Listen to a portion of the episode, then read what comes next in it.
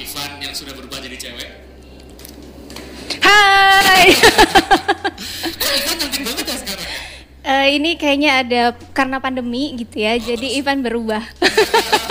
Jadi setelah setelah pandemi ternyata Ivan pakai kerudung terus ganti jadi cewek. ya sepertinya begitu. Jadi ada pintu Doraemon, pas keluar jadi wanita. Kenapa kan yang bisa berubah sesaat itu pintu Doraemon. Oh oke oke oke. Kalau hatimu bisa Eh, itu tinggal gini aja. Cering. Ya teman-teman semua. Oke jadi hari ini kita ada ada ada teman baru nih ya kebetulan pengen banget pengen banget atau pengen aja sih? pengen banget masuk di konten tentang buku katanya pengen sharing-sharing tentang buku nah jadi hari ini kita nggak sama Mas Ivan Dana karena bosen jujur ya bosen ngomong sama dia Eh, ag- agak cerah gitu ya lihat gue ya. nggak ada cerah banget dong Kalau hijau biasanya jadi adem kan matanya. bukan kayak hutan malam-malam gelap Tropis. kenalan dulu kenalan dulu boleh boleh boleh boleh Eh, kenalan dulu nih. Besok aja. beda, beda, beda, beda planet loh, beda oh, iya, planet. iya, iya. Silakan Oke, perkenalkan nama saya siapa ya? Nama saya Ai Rohaila. Teman-teman bisa panggil saya Ai. Ai aja lah ya, nggak usah panjang-panjang. hmm, panggilnya aja kalau panjang Ai Tapi jangan Ai yang. ya, jadi ini ada ada sama Mbak Ai hari ini aku panggilnya apa ya Teteh boleh, boleh. Teteh aja kayaknya Teteh ya. ya. Jadi sama Teteh Ae meskipun begini-begini dia masih imut ya. Bukan amit-amit tapi ya. Oh enggak enggak amit. Jadi jadi hari ini kita akan ngobrol tentang satu buku yang menarik sebenarnya. Hmm, nggak nggak menarik sih berat. Bukunya menarik. Tapi kalau tadi aku baca sekilas cukup cukup eh, apa filosofis dan insightful sebenarnya. Yes. Ini kita akan baca buku apa? Eh kita akan baca. Dah dah dah. kita akan eh, eh, ngobrolin satu buku yang menarik. Eh, berat banget itu bukunya. Hidup sekali berarti lalu mati. Transform our life, help others, and stay positive. Wow. Wow. Ini buku yang sudah lama tidak saya baca karena bacaan saya biasanya eh, bukunya Charles Darwin. Oh, berat banget sama sih. bukunya Mein Kampf.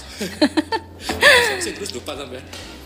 Oke oke. Jadi jadi ini aku aku jujur tertarik banget nih. Jujur eh, di sesi kali ini pengen ngobrolin kenapa aku tertarik. Karena jujur karena aku juga eh, sometimes some- sometimes butuh insight baru gitu, butuh butuh pencerahan jiwa. Dan kayaknya kalau lihat dari baca dari bukunya ini mencerahkan jiwa banget nih. Tapi boleh cerita dikit nggak sih ini isinya tentang apa? Sedikit aja sebelum kita nanti ngobrol Oh. lebih detail lagi.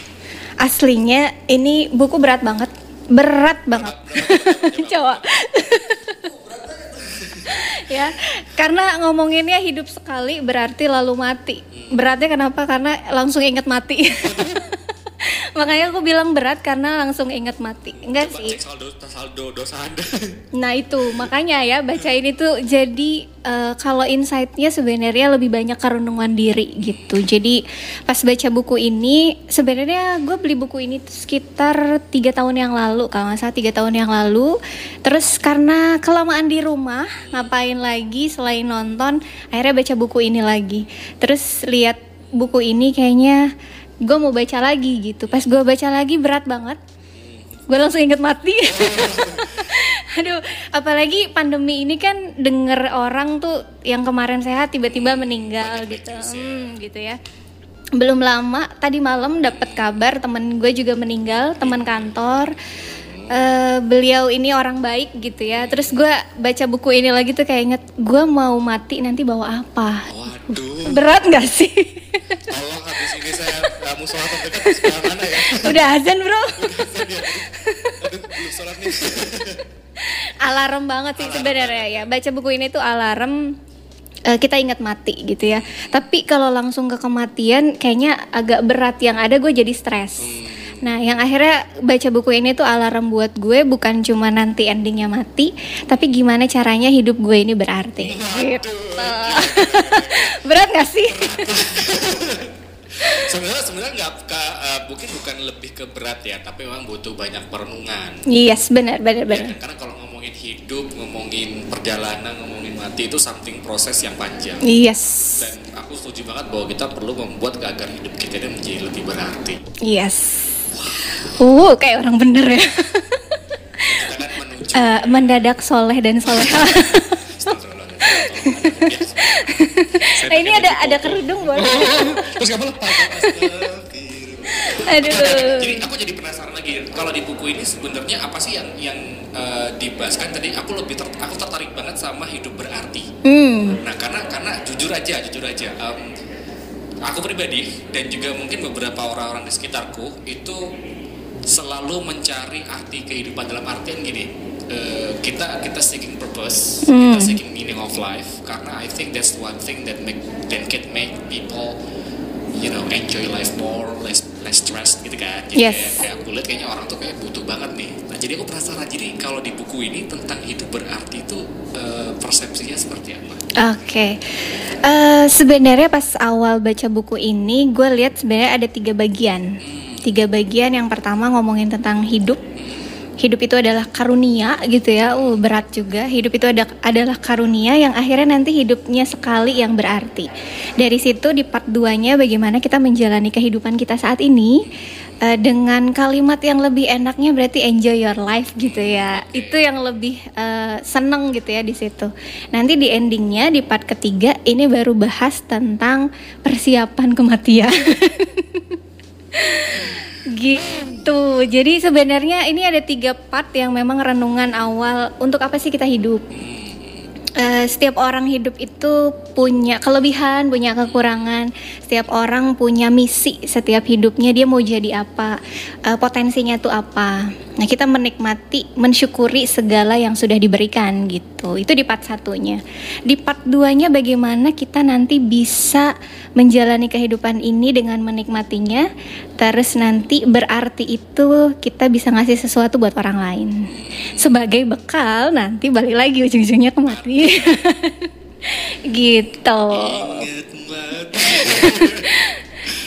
Aku jadi penasaran banget Hmm. eh, eh, yang di part kedua nih masalah menikmati kehidupan. Kalau Yes. di buku ini eh, sebenarnya karena kan banyak banget ya kalau kita berbicara tentang menikmati kehidupan, I think orang itu punya caranya masing-masing. gitu Hmm. kan. Kayak eh, ada yang mereka berusaha untuk menikmati kehidupan dengan cara traveling Yes.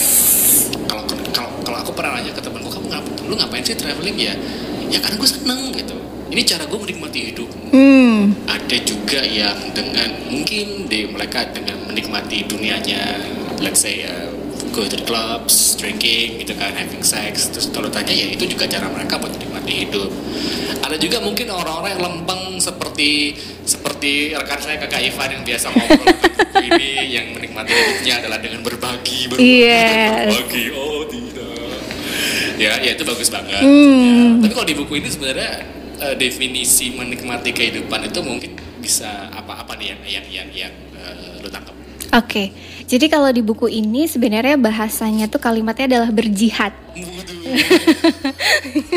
nah, nah, nah, nah. nah, guys, berjihad ini konotasi yang kita baca, yang kita dengar kata jihad tuh kebayangnya perang. Ya nggak sih? Ya kan? setuju, setuju, Ya, pas gue juga baca, aduh berat banget gitu ya. Tapi gue mencoba menginternalisasikan ini, menyederhanakan kalimat ini. Jihad itu konotasinya tidak selalu perang loh guys. Jadi jihad ini, nah tadi kan kita sudah ngobrolin di awal bahwa kita mensyukuri kehidupan, apa yang kita punya, apa yang kita miliki saat ini, wujud syukur kita. Nah, menjalani kehidupan sekarang, enjoy life-nya itu dengan berjihad. Setiap orang itu punya jihadnya masing-masing. Kalau tadi ngomongnya, oh senangnya jalan-jalan, senangnya traveling, ya memang jihadnya dia di situ. Jalannya dia tuh di situ. berarti sorry sebelum ngomong lebih jauh berarti jihad ini kalau di buku ini definisinya adalah jalan Jihad itu sebenarnya kita itu menjalani kehidupan kita dengan sesuatu yang baik. Berarti eh, jihad itu menjalani sesuatu yang baik Yes. jadi nggak hanya sekedar perang No, big no. karena jujur aja ya, karena eh, aku jadi inget banget nih pengalaman pribadi Hmm. zaman zaman kan anak SMA gitu kan terpapar pemahaman agama itu ya Doktrin-doktrin gitu. pemahamannya aku tidak ngomong doktrin Agak berat doktrin, doktrin orang. Hati-hati. Jadi kalau aku biar pemahaman yang biasa ditangkap memang kalau jihad itu identiknya yes. eh, peperangan. Jadi kalau di sini lebih ke menjalani se mem- memilih dan menjalani jalan hidup ya. Yes. Itu jihad definisinya. Oke oke terus terus tadi lanjut dong. Eh, gimana caranya menikmati? Berjihadnya gimana kalau di buku ini? Oke, jadi berjihadnya itu sesuai dengan perannya kita masing-masing. Menjalaninya itu dengan maksimal. Jadi kalau gue baca ini tuh bukan sesuatu yang kita harus perang. Perang melawan ha- hawa nafsu diri sendiri aja itu kan jihad sebenarnya. Nah, kita ambil contoh mungkin posisi pekerjaan eh, profesi apa yang kita contohin. Yang simple yang semua orang itu punya peran. Hmm, contoh misalnya ibu rumah tangga. Ah, Oke, iya, iya. ibu rumah tangga itu kan Orang tua. orang tua. Oke, orang tua. Orang tua kan berarti eh, peran dia sebagai orang tua untuk mendidik anak-anaknya. Nah, jihadnya dia itu berarti peran untuk menjadi role model untuk anak-anaknya. Itu jihad. Dia menjalani kehidupan bagaimana caranya menjadi orang tua yang baik, orang tua yang bisa dicintai anaknya, orang tua yang menjadi panutan, itu jihad. Terus kalau mahasiswa, ketika dia kuliah, kuliah benar, tepat waktu itu jihad. Eh, untuk karyawan yang memang dia kerja, itu juga jihad. Traveler itu jalan-jalan itu juga jihad. Orang yang f- apa food blogger itu juga jihad. Semua profesi, semua pekerjaan, apa pun siapa pun itu punya jihadnya masing-masing. Aku coba tangkap tadi ya kan Hmm. setiap profesi itu punya contoh jihadnya masing-masing nih. Contoh tadi kalau misalkan sebagai karyawan ya berarti bekerja dengan baik, masuk tepat waktu. Hmm. Orang tua eh, kalau orang tua berarti menjadi role model. Be- kalau aku bisa tangkap berarti melakukan suatu hal yang baik. Yes. Nah kalau baik di sini baik buruknya itu eh, based on apa nih? Oke. Itu pertanyaan yang mungkin kita harus definisikan dulu gitu ya. Hmm, Karena oke, kalau, oke. kalau baik buruk kan sam- menurutku itu something yang relatif kan. Jadi kalau di buku ini dia mendefinisikan baik buruknya seperti apa? Oke, karena penulisnya memang seorang agama Islam gitu ya, Seorang jadi muslim ya ya. seorang Muslim, jadi memang basicnya baik dan benar itu kembali ke ajaran agama. Nah, kalau kita lihat siapa pun yang baca buku ini, sebenarnya patokan pertama baik dan benar itu sesuai agama. Yang kedua mungkin kita bisa lihat nih dari sisi norma benar atau enggak. Terus kalau ada aturan negara ya bisa dilihat dari situ. Kalau baik dan buruknya dari sisi relatif ya nggak kelihatan baik dan buruknya. Mungkin minimal pantas atau enggak gitu ya.